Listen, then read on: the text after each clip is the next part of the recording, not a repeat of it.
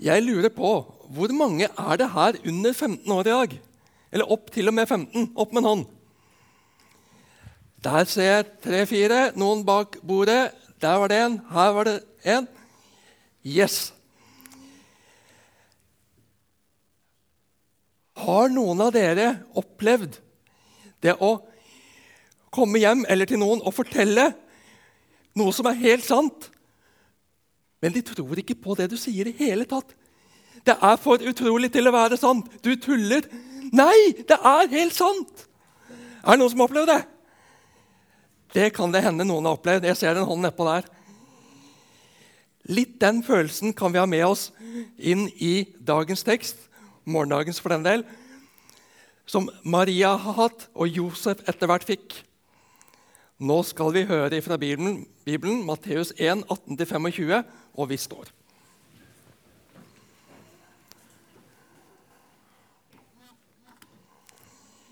Med Jesu Kristi fødsel gikk det slik til. Hans mor Maria var lovet bort til Josef, men før de var kommet sammen, viste det seg at hun var med barn ved Den hellige ånd. Josef, mannen hennes, som var rettskaffen og ikke ønsket å føre skam over henne, ville da skille seg fra henne i all stillhet. Men da han hadde bestemt seg for dette, viste en Herrens engel seg for ham i en drøm og sa:" Josef, Davids sønn, vær ikke redd for å ta Maria hjem til deg som din kone. For barnet som er unnfanget i henne, er av Den hellige ånd. Hun skal føde en sønn, og du skal gi ham navnet Jesus. For han skal frelse sitt folk fra deres synder. Alt dette skjedde for at det ordet skulle oppfylles som Herren har talt gjennom profeten. Se, Jomfruen skal bli med barn og føde en sønn, og de skal gi ham navnet Immanuel. Det betyr Gud med oss. Da Josef våknet av søvnen, gjorde han som Herrens engel hadde pålagt ham, og tok henne hjem til seg som sin kone, og levde ikke sammen med henne før hun hadde født sin sønn. Og han ga ham navnet Jesus. Slik lyder Herrens ord. Vær så god, sitt. Jeg har en førjulstradisjon. Minst én førjulstradisjon. Og det er å se filmen 'Veien til Betlehem'. Der kom den. The Nativity Story. Den må jeg se i løpet av ukene før jul. Det er en del av mine juleforberedelser. Og jeg syns den filmen viser på en god måte den kinkige situasjonen som både Maria og Josef opplevde. Unnskyld meg, men hvordan hadde du reagert om tenåringsjenta di kom hjem med kul på magen og påsto at Gud er barnets far? Hadde du trodd henne? Tvilsomt. Eller om forloveden din, som du har vært forelska i og hatt lyst på i lange tider, men dere har bestemt dere for å vente til bryllupsnatta. Det er jo det som er det rette for kristne å gjøre, ikke sant? Akkurat som for jøder. Men så oppdager du en voksende mage. Jeg for min del ser ikke slikt før i 8.-9. måned. Folk må være høygravide før jeg legger merke til det. Men Josef han var mer observant enn meg. altså. Hun er gravid! Hva er det hun har holdt på med? Jeg trodde jeg kjente henne. Hva slags spill er det hun holder på med? Jeg føler meg bedratt. Jeg kjenner meg rundlurt. Hun er ikke den jenta jeg trodde hun var. Han kunne laget en scene. Hevnlysten, ærgjerrigheten, sinne og frustrasjon kunne ha tatt av mann. Han hadde loven på sin side til det. I verste fall kunne hun ha blitt steinet for å ha blitt gravid utenfor ekteskapet. Men Josef er ikke den typen. Han er glad i henne, tross alt. Han vil skilles fra henne i stillhet, slik at hun kan gifte seg med barnefaren. Han er i hvert fall ikke rettmessig far til barnet og føler seg moralsk forplikta på å skille seg fra henne. De skal ikke tro slikt om ham, i hvert fall. Så er det fascinerende hvordan Gud jobber iblant. Han går enkelte ganger på tvers av kulturelle, moralske og biologiske koder. Kulturelle koder Skikkelige, anstendige kvinner på den tiden ble ikke gravid før de var gift. Slik var det bare. Men her velger Gud å se bort ifra det, for noe annet er viktigere. Moralske koder Gud selv hadde satt lover rundt hvordan barn blir til for å trygge og sikre barnet og forhold rundt barnet. Ekteskapet mellom mann og kvinne er rammen Gud har satt. Men når han selv kommer til jord, er et unntak ifra dette, med den risiko det innebærer.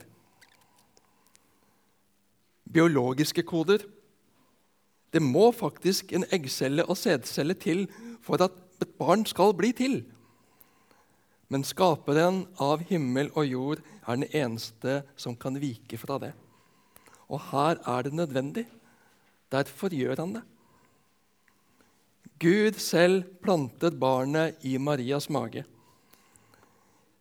Menneske av menneskeslekt, født av en kvinne, ja, men uten arvesynden som har preget mennesker fra den gang David, Adam og Eva falt i synd i Edens hage. Dette barnet, Guds sønn, Gud selv, ble født uten synd. For bare den som er syndfri, kan bære synden for en annen, jf. det lyteløse lammet som ble ofret til soning for menneskenes synd i den gamle pakt. Døperen Johannes, som peker på Jesus om lag 30 år senere og sier, 'Se der Guds lam som bærer verdens synd'. Barnet som snart skal bli født, er mennesket ja, 100% Men dette barnet er også Gud, 100% Det som er i ferd med å skje, er Guds komme til jord. Intet mindre. Gud blir en av oss. Han vet hvordan det er å være menneske. Han har prøvd det, med alt det innebærer. Gud forstår deg. Han har vært der sjøl. Samtidig er han helt annerledes.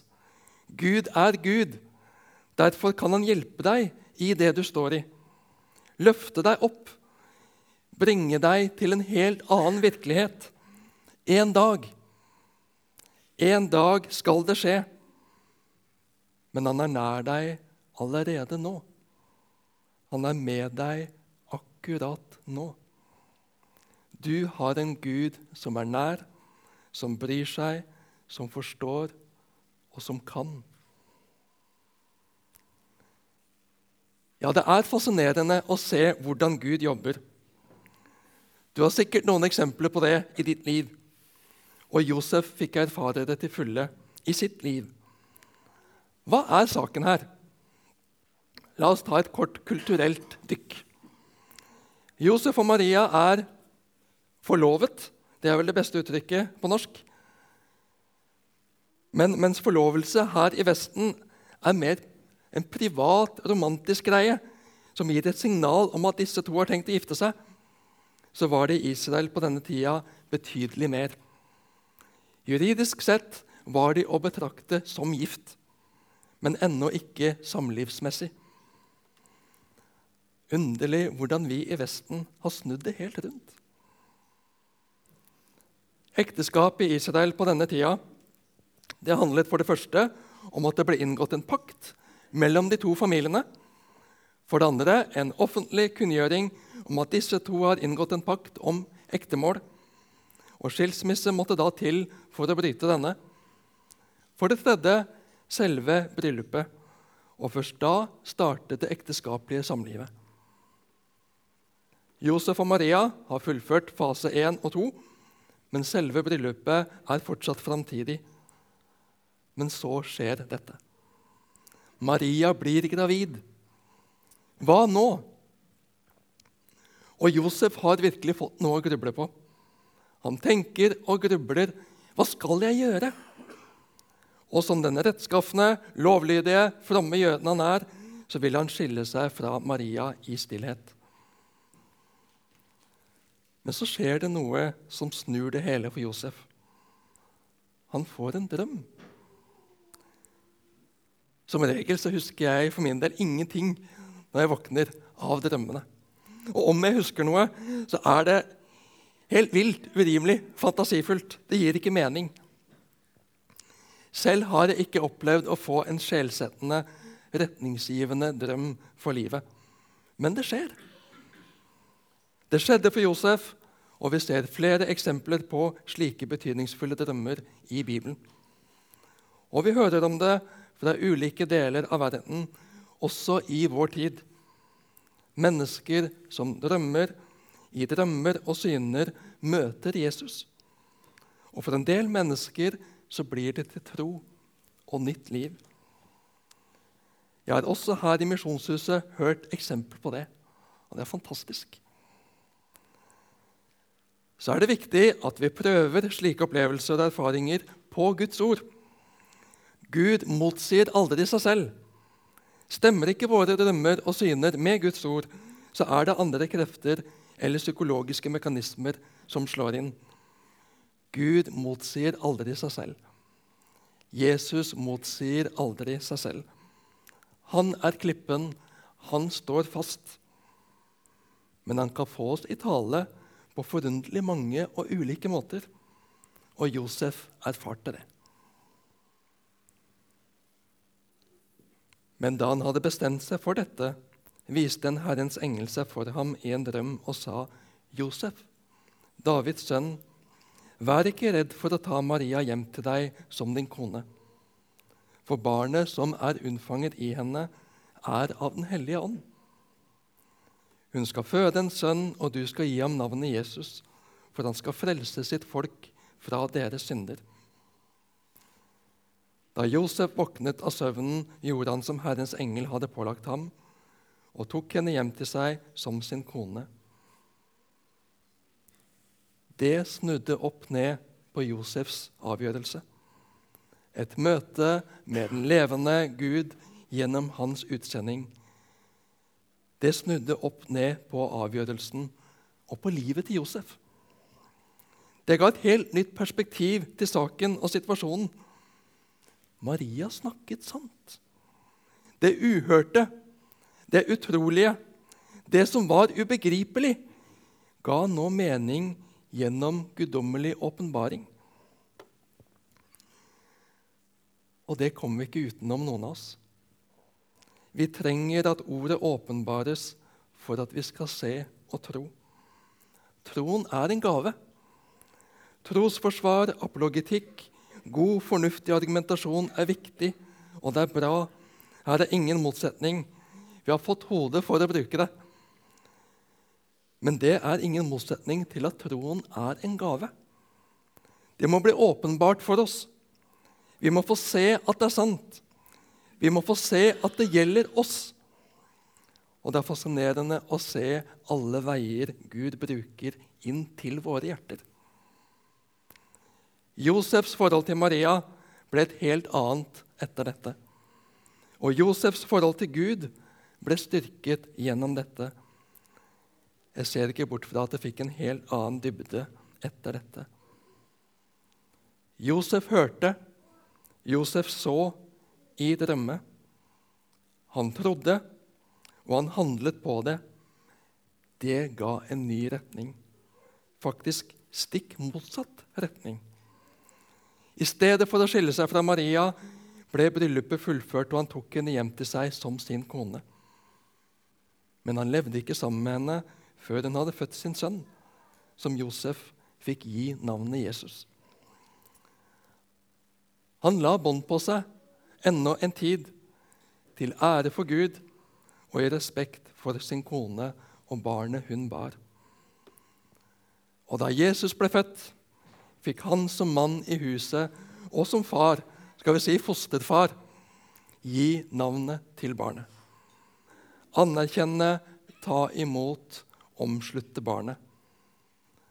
med et navn som var, og i deler av verden fortsatt er, ganske vanlig og alminnelig. For en del år siden så skvatt jeg da jeg så på hopp på TV. En polsk hopper som heter Jesus. Kan vanlige mennesker hete Jesus? Men han vant ikke av den grunn. Og Det ble også litt fnisete stemning i klasserommet på språkskolen i England da læreren annonserte at det skulle komme en ny elev i klassen over helga. En mann fra Spania ved navn Jesus. De fikk streng beskjed om å ikke gjøre noe nummer ut av navnet hans. Men Siv, kona mi, hun kan skryte av at hun har gått i klasse med Jesus. Rett og slett. Men navnet Jesus, det betyr Herren frelser. Og vi bekjenner oss til Bibelens Jesus som vår Herre og Frelser. Det er nå det skal skje. Gud er i ferd med å bli menneske. Gud er i ferd med å oppfylle profetiene om å bringe en ny konge, Messias, Kristus, han som skal frelse sitt folk, ja, være en frelser for alle folkeslag. Alt dette skjedde for at det ordet skulle oppfylles som Herren har talt gjennom profeten. Gud er historiens herre. Gud har kontroll. Det er ikke kaos, selv om det iblant kan oppleves slik. Ikke at alt som skjer, er Guds vilje. Det onde er ikke Guds vilje. Men i sin tålmodighet, sin kjærlighet, sin respekt for oss mennesker og vår selvstendighet, vår frihet til å velge selv hvilken retning vi vil ta, så griper han ikke inn og overstyrer ikke våre valg og de konsekvenser det får for generasjoner, ja, tusener av år fram i tid. Vi er gitt stor frihet og stor myndighet til å forvalte skaperverket. Men han vil ikke overlate oss til oss sjøl, til kaos og fortapelse. Han tilbyr sin redning. Han vil gripe inn. Han vil berge, han vil redde de som vil la seg berge. De som erkjenner sitt behov for hjelp, sitt behov for redning og redningen er godt forberedt og godt annonsert gjennom generasjoner, hundreder av år, gjennom profetene. Og her er det profeten Jesaja det vises til. Se, jomfruen skal bli med barn og føde en sønn, og de skal gi ham navnet Immanuel. Det betyr Gud med oss. Det naturstridige skal skje. Det umulige skal skje slik at de skal se og forstå. De som vil se og forstå. De som vil bøye sin fornuft under Guds fornuft.